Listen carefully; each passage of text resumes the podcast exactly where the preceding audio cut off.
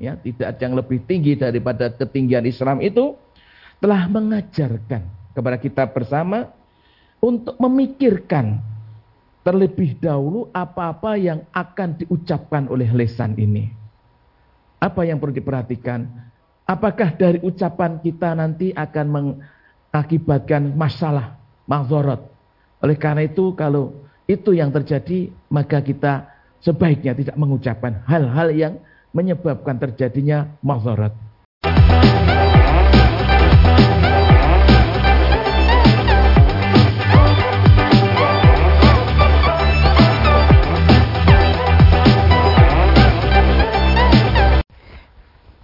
Bismillahirrahmanirrahim Assalamualaikum warahmatullahi wabarakatuh Saudaraku pemirsa MTA TV di mana pun Anda berada Puji syukur Alhamdulillah senantiasa kita panjatkan kehadirat Allah Subhanahu wa Ta'ala atas limpahan karunia nikmat dan juga rahmatnya. Sehingga di kesempatan pagi hari ini kita bisa berjumpa kembali dalam program Fajar Hidayah. Dan pemirsa, mari kita manfaatkan waktu di kesempatan kali ini untuk senantiasa belajar, untuk menambah ilmu agama kita. Dan hari ini kita akan dibimbing oleh beliau Ustadz Dr. Sri Mulyana, Magister Komputer, dan Alhamdulillah hari ini kita sudah terhubung dengan beliau melalui aplikasi meeting online. Langsung saja kita sapa. Assalamualaikum warahmatullahi wabarakatuh. Waalaikumsalam warahmatullahi wabarakatuh. Kabar baik, sehat hari ini Ustadz?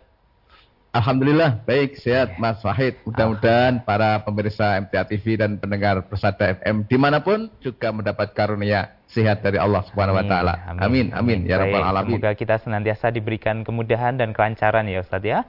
Utamanya Insya Allah. Hari ini kan kita juga masih menjalankan ibadah puasa ya Ustaz.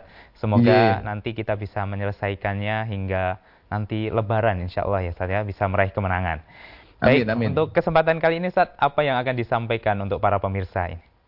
Ya, kita insya Allah akan berbicara tentang berbicara yang baik atau diam. Berbicara ini yang baik atau untuk, diam. Ya, Ya, penting sekali untuk ya. menjadi perhatian kita di tengah hiruk pikuk berita-berita yang tak karuan di sekitar kita. Begitu Mas Fakir. Baik, benar sekali Ustaz untuk kita selalu bisa bersikap berkata yang baik atau diam gitu ya.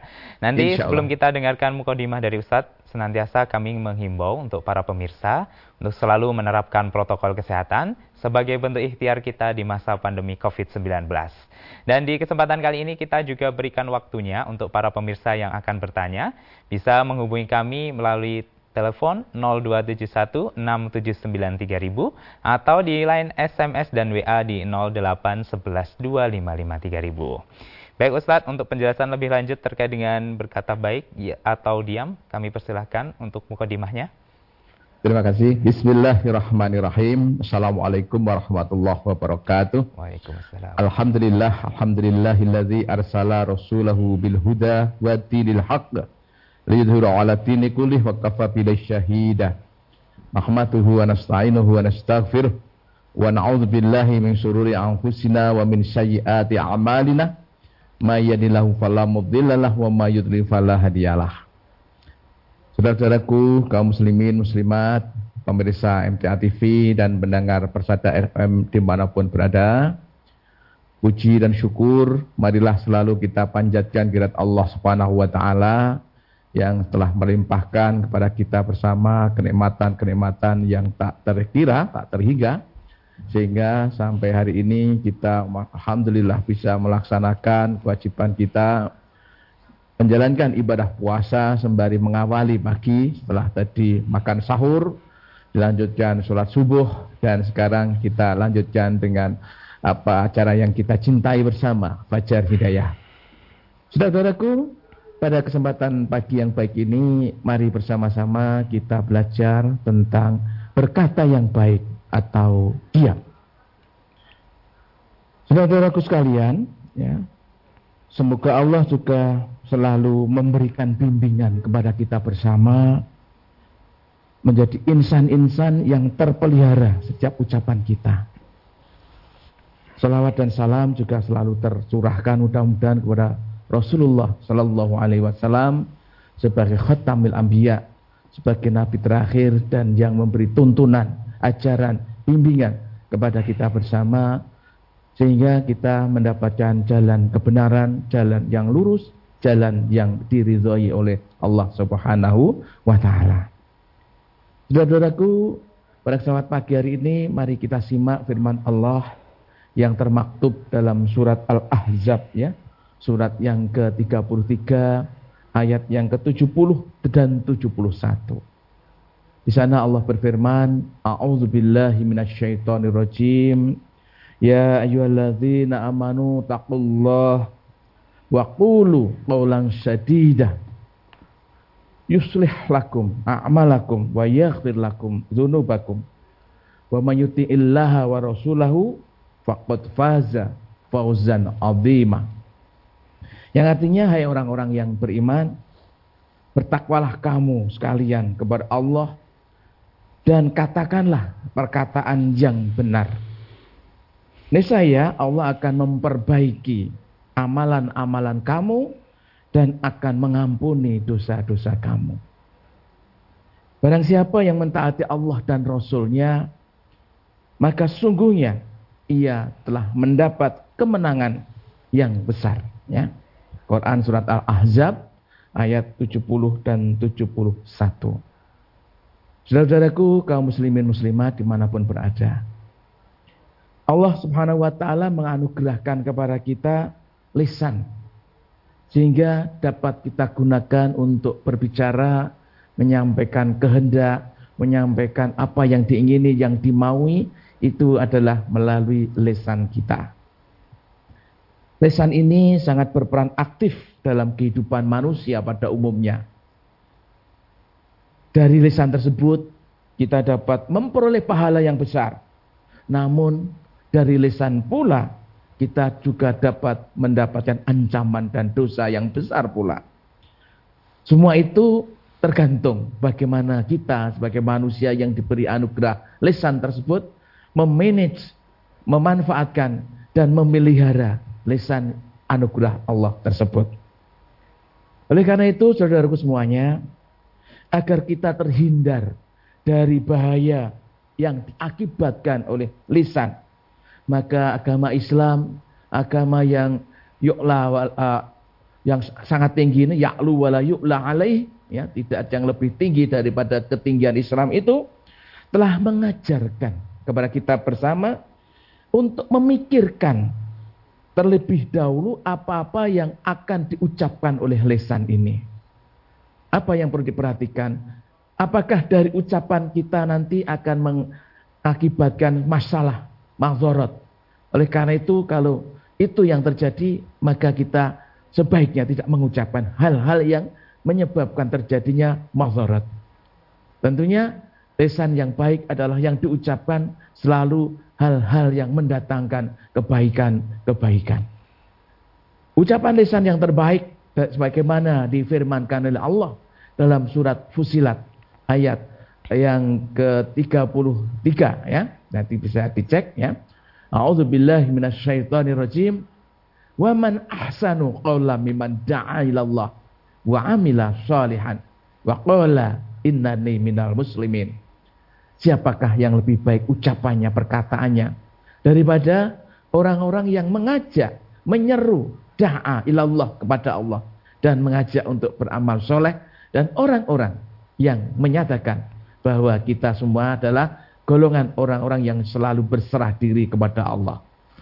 Ini lisan yang terbaik adalah selalu menyeru, mengajak, mengingatkan manusia untuk kembali bertakorup, ya, mendharma baktikan, mentaati apa-apa yang diperintahkan oleh Allah dan Rasulnya. Saudaraku, sebagaimana juga dikatakan dalam sebuah hadis dari Sufyan As-Saqafi berkata, Ya, Sufyan As-Saqafi ini bertanya kepada Rasulullah, ya aku bertanya pernah bertanya kepada Rasulullah. Ya Rasulullah, apa yang paling engkau khawatirkan dari daripadaku ya Rasulullah? Maka Rasulullah memberikan isyarat ya dengan menjawab ini sambil menunjuk lisan beliau gitu ya. Saudaraku kaum muslimin muslimat pemirsa MTA TV dan pendengar Persada FM di mana pun berada. Rasulullah juga bersabda bahwa orang Islam yang terbaik adalah orang-orang yang orang Islam lain atau orang lain selamat dari kejahatan lesannya dan tangannya ya.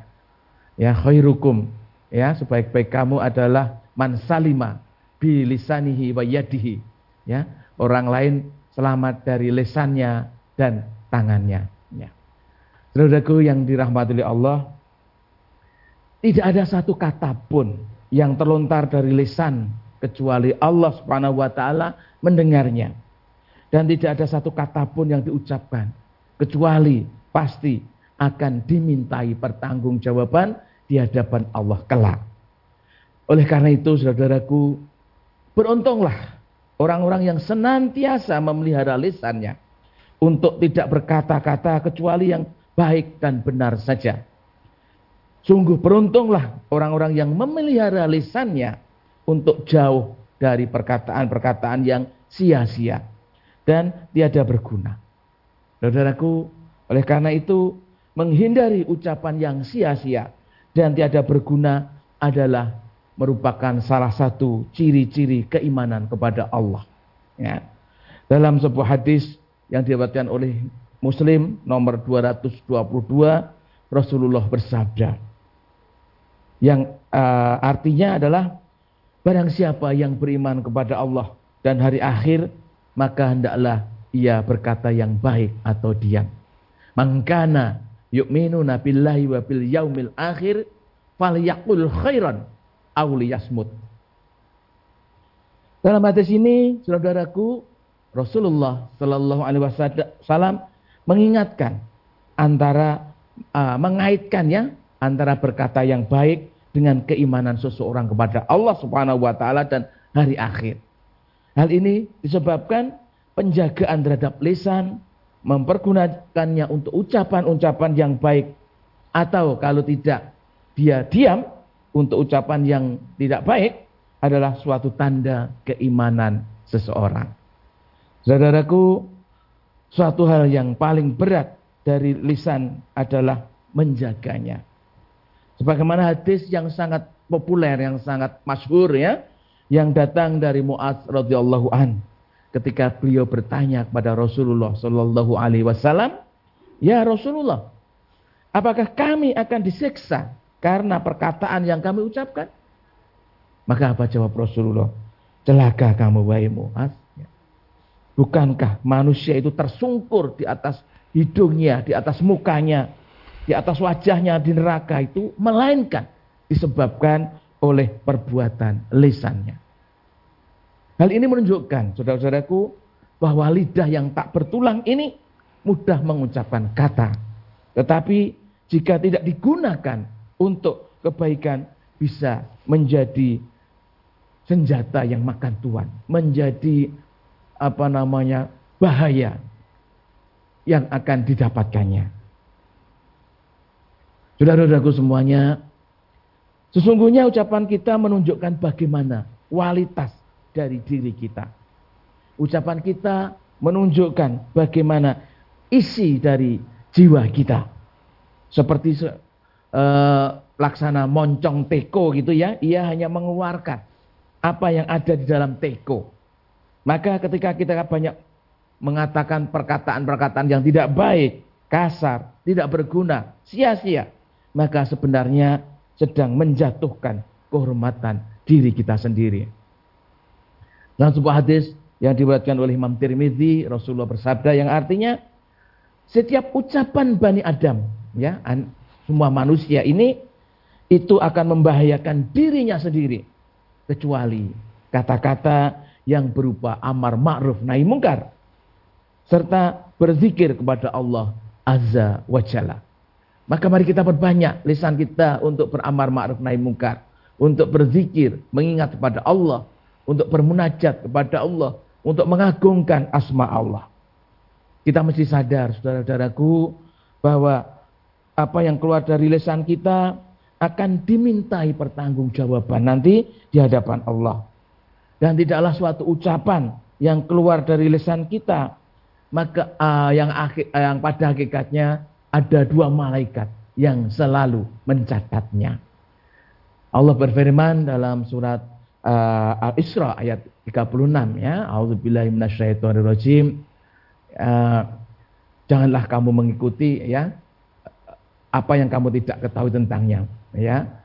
Indah sam'a wal basara wal fuada kullu ulaika kana anhu mas'ula ya wala taqfu ma laisa bi ilm ya dan janganlah kamu mengikuti apa-apa yang kamu tidak mengerti tentang ilmunya karena apa sesungguhnya ya, pendengaran ya penglihatan dan hati nanti akan dimintai pertanggungjawaban di hadapan Allah Subhanahu wa taala dalam surat Qaf tadi disebutkan wa ma yalfidhu min qaulin illa ladhi raqibun atidun ya.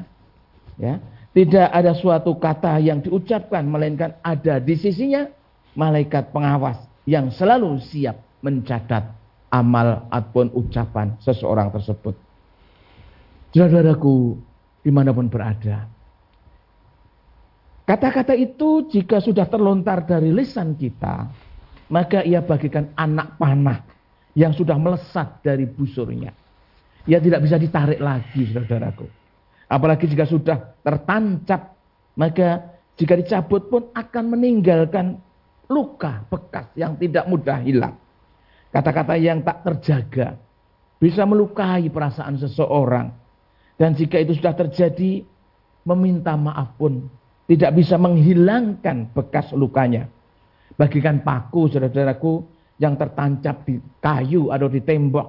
Ketika paku itu pun dicabut, maka masih akan meninggalkan bekas yang tertinggal di sana. Ya. Oleh sebab itu, mari kita selalu berhati-hati dengan ucapan kita, saudara-saudaraku. Hindarilah ceretak-ceretuk yang tak karuan. Ya, kurangi berbicara yang tidak perlu. Karena terlalu banyak berbicara yang tidak perlu akan membuat kita ngelantur melebih-lebihkan cerita sehingga akhirnya terjebak dalam ya kubangan dusta. Ya, ada sebuah makalah ya, makalah atau hadis saya agak lupa gitu ya. Kafa bil mar'i ismun. Ayo hadisu bi kulli masami. Sungguh seorang itu cukup berdosa apabila mengatakan setiap apa yang didengar, ya. Jadi mengatakan setiap apa yang didengar. Oleh karena itu yang perlu dikatakan itu perlu filter. Kira-kira kalau dikatakan dari pendengaran itu menjadi baik atau tidak baik. Ini suatu hal yang harus difikirkan. Oleh karena itu suatu pelajaran bahwa Allah ya membuat mulut manusia itu hanya satu. Namun telinga manusia dua, mata manusia dua. Oleh karena itu mari kita lebih banyak mendengarkan, lebih banyak menyaksikan, melihat, ya, menyimak, mengambil pelajaran dari setiap peristiwa yang terjadi. Ya, kita kurangi ya apa yang keluar dari mulut kita. Karena bisa-bisa kalau tidak hati-hati ini akan menyebabkan malapetaka yang kembali kepada diri kita sendiri. Untuk saat-saat ini ya lesan ya kata-kata tidak hanya yang keluar dari mulut saudara-saudaraku. Ini yang belum menjadi perhatian kita bersama. Termasuk tulisan-tulisan ya termasuk tulisan ya yang keluar dari tangan kita yang melalui gadget-gadget kita ya menjaga tulisan ini.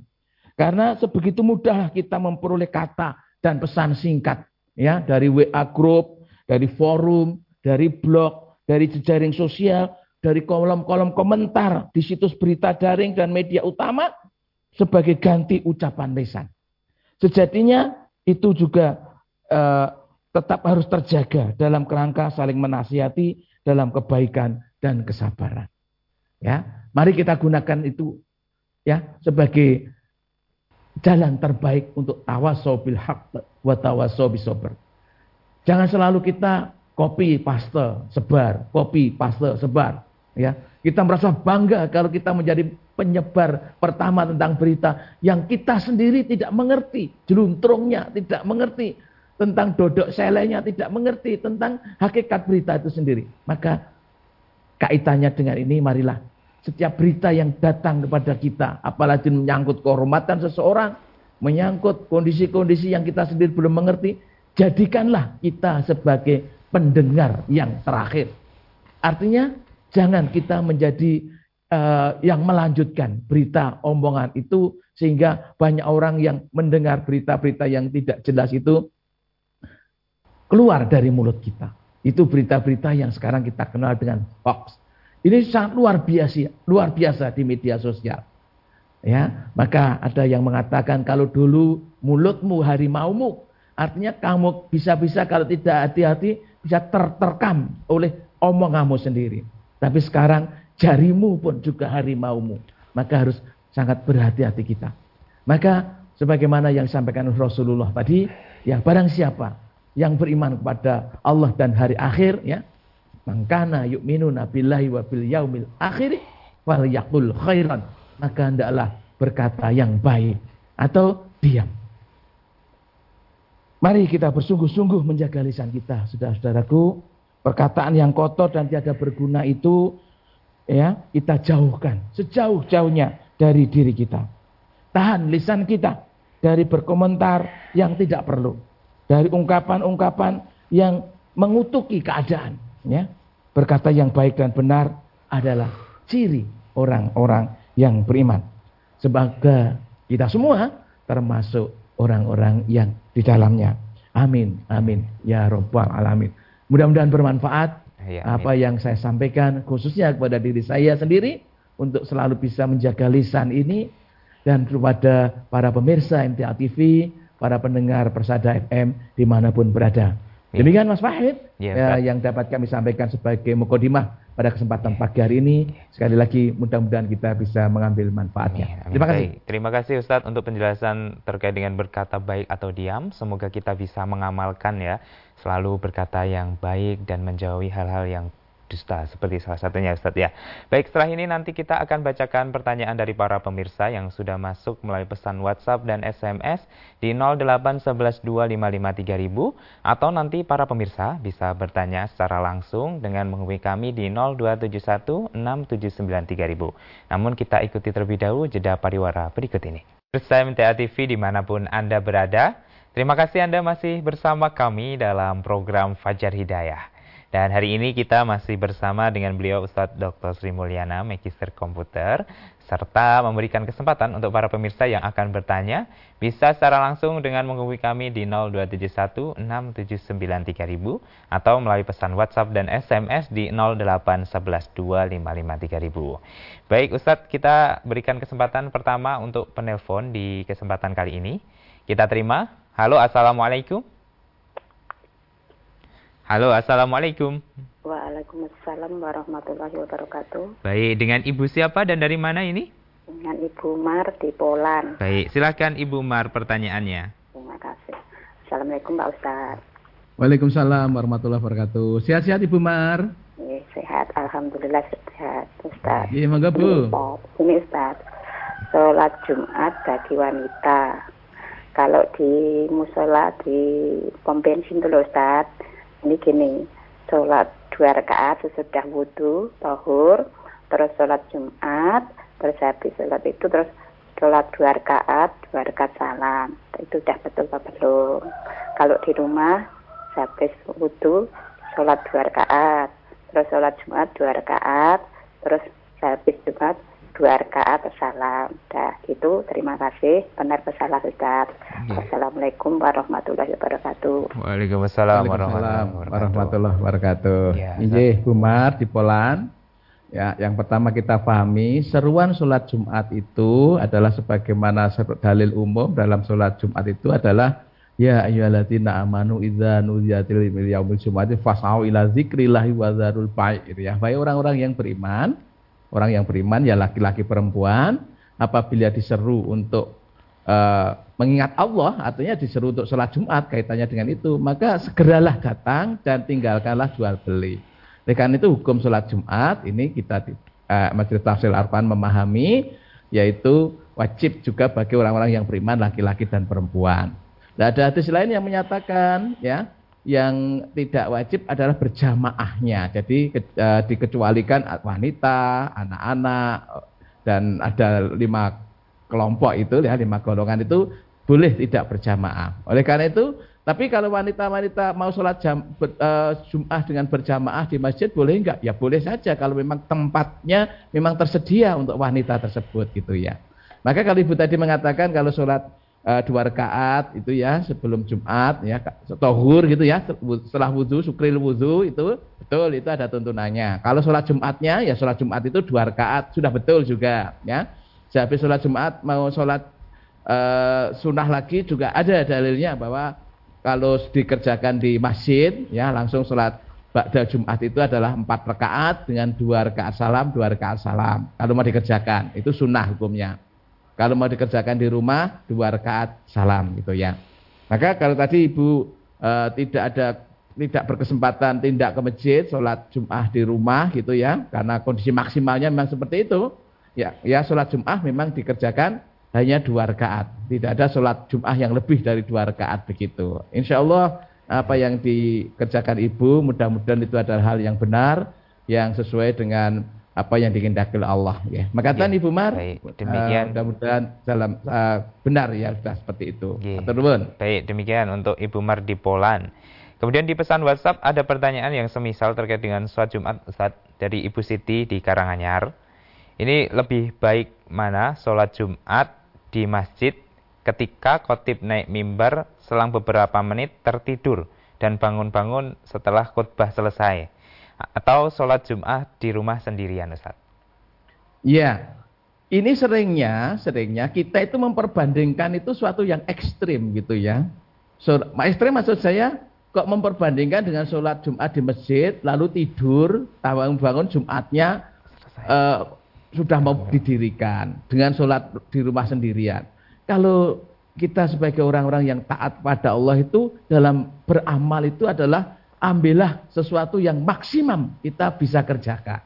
Ya, kalau kita bisa berjamaah ke masjid, khususnya ibu-ibu dan ada tempat ya, ada tempat gitu ya. Walaupun ada hadis sebaik-baik sholat bagi wanita itu di rumahnya, sholat wajib itu ya. Tapi ada hadis tersebut juga dilanjutkan, tapi kalau mau ke masjid jangan dilarang begitu gitu ya. Maka ada ke, uh, kebaikan juga insya Allah e, ke tempat itu tapi ambil ambil posisi yang maksimal gitu ya maksimal itu maksudnya jangan terus apa namanya ke masjid Jumatan mendengarkan khutbah itu sebagai apa namanya istirahat lalu tidur tidak mendengarkan khutbah ya, ya. Lah kalau demikian kan tidak mendapat kebaikan dari apa isi khutbahnya begitu. Oleh karena itu saya tidak akan menjawab baik mana. Mari kita ambil yang terbaik. Kita bisa mengambil kesempatan sholat, mendengarkan khutbah, mendapat ilmu dari khutbah itu, mendapat pemahaman dari apa yang disampaikan oleh khotib, dan kita bisa melaksanakan sholat Jumat dengan sempurna begitu ya. Yeah. Mohon maaf saya tidak akan memperbandingkan yang seperti Ibu tanyakan gitu ya. Yeah. Makatan Ibu Siti, mohon yeah. maaf. Baik, demikian penjelasan dari Ustadz untuk Ibu Siti di Karanganyar. Kemudian kita berikan kesempatan kembali untuk penelpon kedua. Kita terima. Halo, Assalamualaikum. Halo, Assalamualaikum.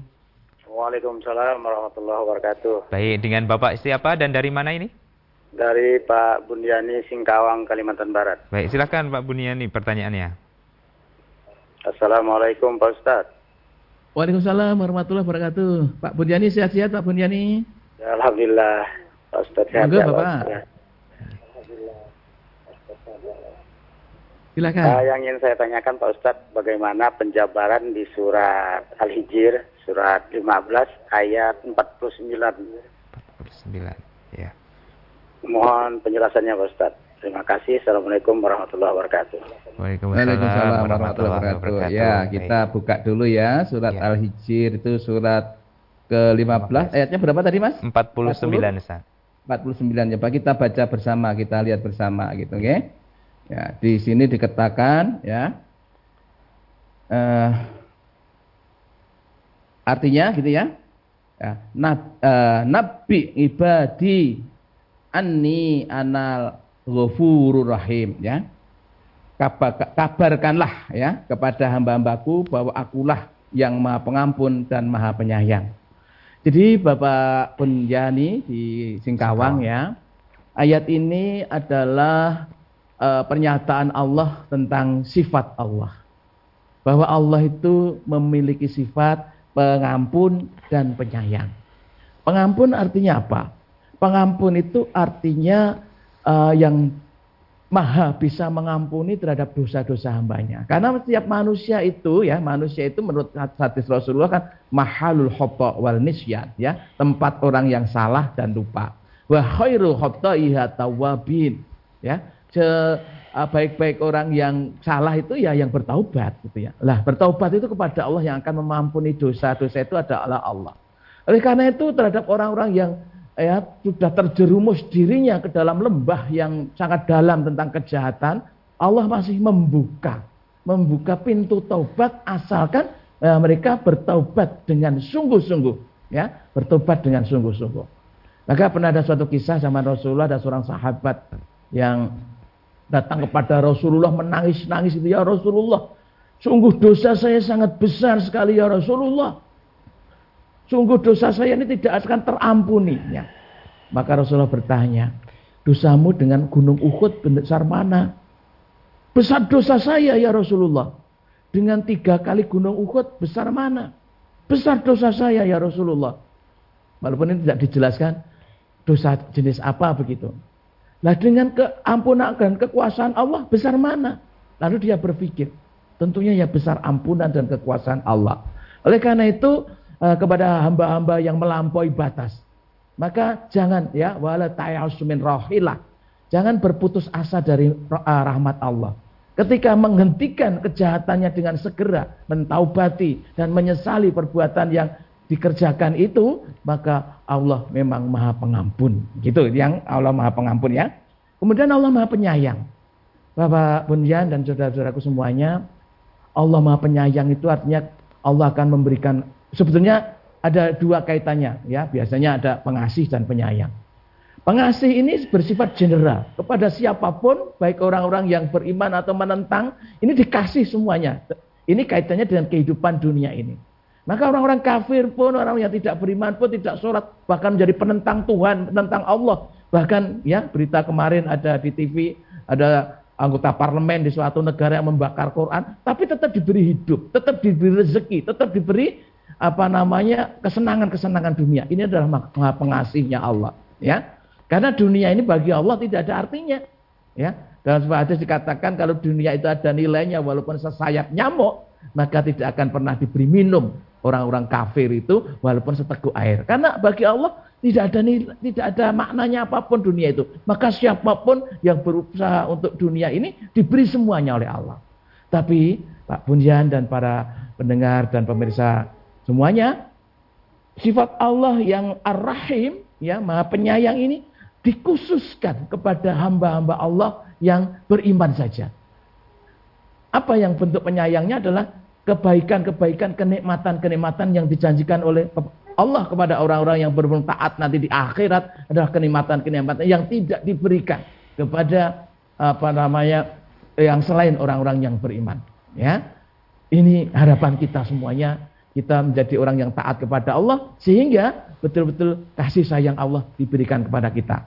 Nah, ini semuanya harus menjadi kesadaran bagi kita seluruh umat ini sebagai hamba Allah ini, maka dikatakan awal itu kabarkanlah kepada hamba-hambaku ya. Beritahukanlah kepada hamba-hambaku semuanya bahwa Allah Maha Pengampun. Maka bagi yang berbuat dosa segera bertaubatlah. Karena Allah adalah Maha Pengampun dan Maha Penyayang kurang lebihnya ya seperti yeah. itu Pak Bunyan dari ayat ini yang yeah. Allahu a'lam bisawab. Yeah. Baik, demikian untuk Pak Bunyan ini di Singkawang. Semoga bisa dipahami terkait pertanyaannya.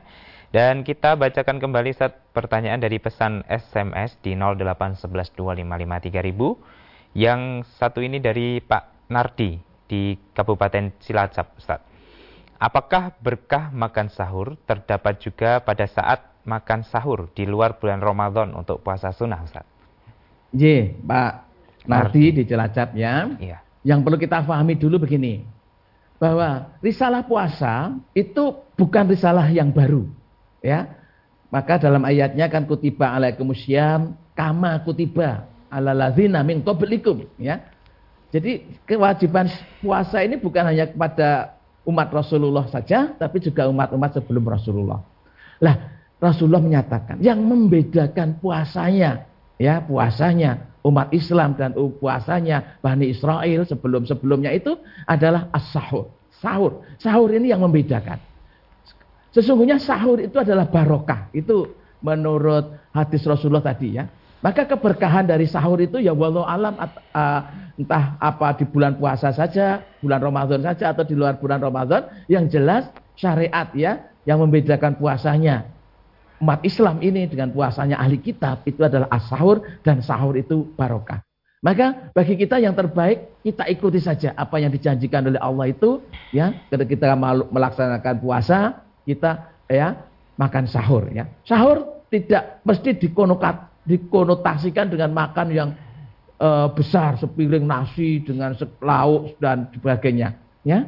Bahkan hanya sekedar meminum seteguk air atau segelas air lah paling tidak ketika itu dikerjakan dengan niat di waktu sahar itu adalah sudah termasuk makan sahur. Lah keberkahannya itu apa bentuknya? Wallahu a'lam. Yang jelas kita perlu yakini bahwa ketika Rasulullah mengatakan ada berkah di sahur, ya insya Allah kita akan juga mendapatkan keberkahan manakala kita mengikuti apa-apa yang sudah disampaikan oleh Rasulullah Shallallahu Alaihi Wasallam.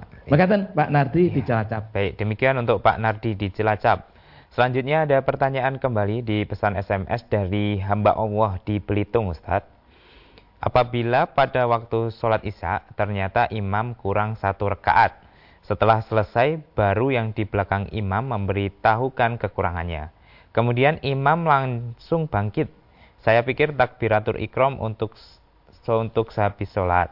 Ternyata menambah kekurangan rekaat tadi. Kemudian ditambah dengan sujud sahwi mungkin.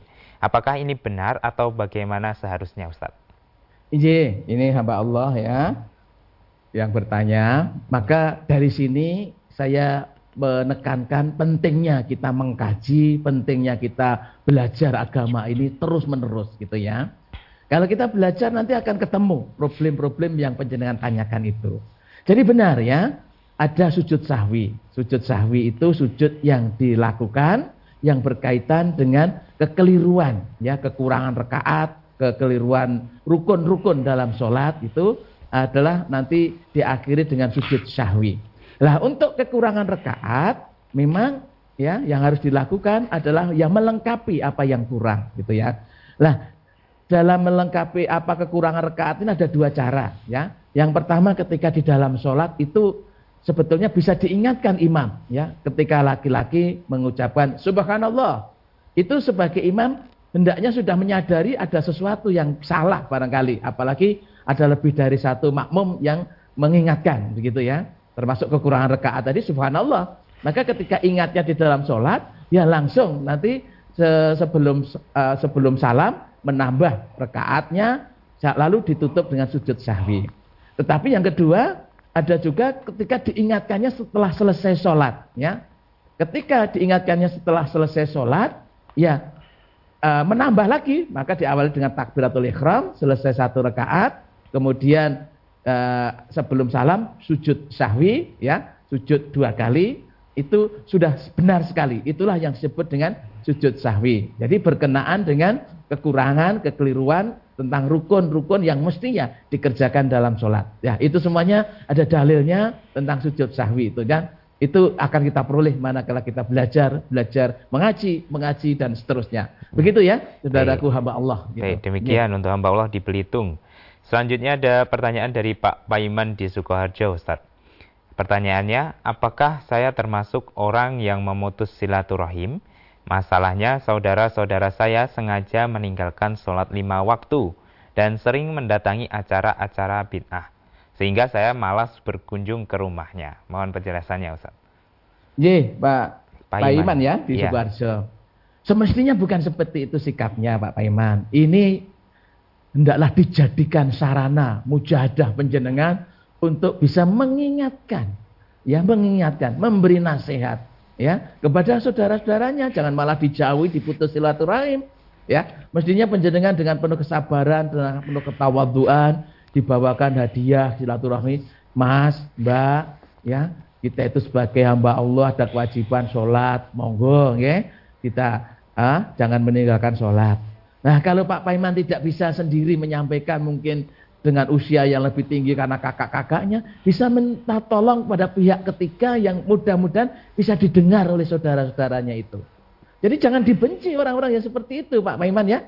Justru harus kita dekati, kita nasihati, ya kalau apa namanya bahasa kita itu kita harus apa namanya jangan bosan-bosan memberi ingatan seperti itu itu menjadi mujahadah kita ya selama saudara kita belum menyatakan murtad keluar dari Islam berarti dia itu sedang apa namanya ya sedang dalam kondisi yang jauh dari Allah saja ya kecuali kalau sudah murtad betul-betul menyatakan keluar dari Islam ya itu bolehlah kita ya tidak perlu lagi berbicara tentang hal seperti itu gitu ya maka yang terbaik, ya, karena sifat orang-orang yang beriman itu kan saling tawasau bil haqq wa tawasau bis sabr. Saling ingat mengingatkan tentang kebenaran dan saling ingat mengingatkan tentang kesabaran. Ya, karena itu Pak Paiman, ya, ini justru menjadi lahan dakwah, lahan mujahadah penjenengan untuk mendapatkan kebaikan yang banyak sehingga nanti mudah-mudahan dengan kegigihan, kesabaran, dan ketekunan penjenengan Allah menghadirkan kembali hidayah ke dalam hati saudara-saudaranya. Jangan justru malah dijauhi seperti itu. Maka kan Pak ya. Paiman di Sukoharjo? Ya baik. Demikian untuk Pak Paiman di Sukoharjo. Dan sebagai pertanyaan terakhir Ustaz yang kita bacakan untuk hari ini barangkali ada waktu dua menit untuk kesimpulan dan penguatan untuk para pemirsa silahkan Baik, saudara-saudaraku, kaum muslimin, muslimat, di mana pun berada. Sekali lagi Allah memberikan anugerah kita lisan. Ini sungguh banyak memberi manfaat. Manakala kita semua bisa memanfaatkan, memanage ya, menjaga hanya untuk hal-hal yang baik. Betapa besarnya kejahatan yang bisa ditimbulkan oleh lisan yang tidak terjaga. Ya. Oleh karena itu kita ingat kembali ya, fal yakul khairan auliyasmut hendaklah ketika kita berkata berkata yang baik ya kalau kita tidak apa bisa mengatakan perkataan-perkataan yang baik jangan sampai mengatakan perkataan-perkataan yang tidak baik ya kondisi itu adalah diwakili dengan kita diam ya diam dan diam ya. Jangan kita menjadi apa namanya ya kalau dalam bahasa kita di masyarakat itu ketika kaitannya dengan suatu berita-berita itu jangan kita menjadi api di tengah apa di tengah bensin atau dibalik jangan kita menjadi bensin di tengah kobaran api sehingga sesuatu malah menjadi membesar membesar membesar akibat apa yang keluar dari lisan kita. Itu tidak boleh. Itu akan membuat apa ancaman yang besar dari Allah ya. Itulah salah satu kejahatan yang keluar dari lisan kita ya. Menjadi pengompor ya uh, pengadu domba dan sebagainya ya. Jadi bahaya lisan itu sangat banyak sumpah palsu ya. Berkata kotor ya. Memfitnah menghibah. Ini semuanya adalah keluar dari lisan. Nah lah dalam situasi teknologi yang sekarang ini ternyata saudara-saudaraku lisan tidak cukup dengan apa yang diberikan oleh Allah ini tapi juga dari tulisan-tulisan yang kita tulis dalam media sosial. Itu juga kadang-kadang bisa memancing masalah yang sangat besar itu. Oleh karena itu mari sebagai kaum muslimin ya, ketika ada berita-berita apa pun kita tabayun dulu, jangan mudah-mudah menyebarkan ya, apalagi kita yang tidak mengerti dengan topik masalah yang kaitannya dengan apa yang dibicarakan itu. Maka salamatul insan fi hibdil lisan. Keselamatan manusia itu tergantung dengan apa yang keluar dari lesannya. Kalau pepatah Jawa mengatakan, ah, ajining diri gumantung kedaling lati. Jadi apa harga diri seseorang itu tergantung apa-apa yang keluar dari lesannya. Kalau lesannya adalah mengeluarkan kata-kata yang baik, itulah kepribadian seseorang itu. Kalau lesannya biasa eh, menyampaikan kata-kata yang tidak baik, kata-kata kotor, ya, sering memfitnah, itulah sebetulnya uh, harga diri dari seseorang yang hanya segitu itu. Sekali lagi mudah-mudahan saudara-saudaraku semuanya anugerah lisan yang diberikan oleh Allah ini betul-betul kita dapat manage, menjaga, memelihara, hanya memanfaatkan untuk hal-hal yang kebaikan sehingga mendorong, menuntun kita menuju surganya Allah. Ada kurang yang mohon dimaafkan saudara-saudaraku. Akhirnya bila taufik wal hidayah. Assalamualaikum warahmatullahi wabarakatuh. Waalaikumsalam warahmatullahi wabarakatuh. Baik, terima kasih Ustadz untuk penjelasan hari ini terkait dengan berkata baik dan diam dan semoga kita bisa mengamalkan ilmu yang sudah tadi dijelaskan untuk kita semua. Serta kami mengucapkan terima kasih untuk para pemirsa atas partisipasinya serta mohon maaf apabila ada pertanyaan yang belum sempat kami bacakan. Serta jangan lupa untuk selalu menerapkan protokol kesehatan sebagai bentuk ikhtiar kita di masa pandemi COVID-19. Akhirnya, saya Wahid Arifuddin pamit undur diri. Alhamdulillahirabbil alamin. Subhanakallahumma wa bihamdika asyhadu an la ilaha illa anta astaghfiruka wa atubu ilaik. Wassalamualaikum warahmatullahi wabarakatuh.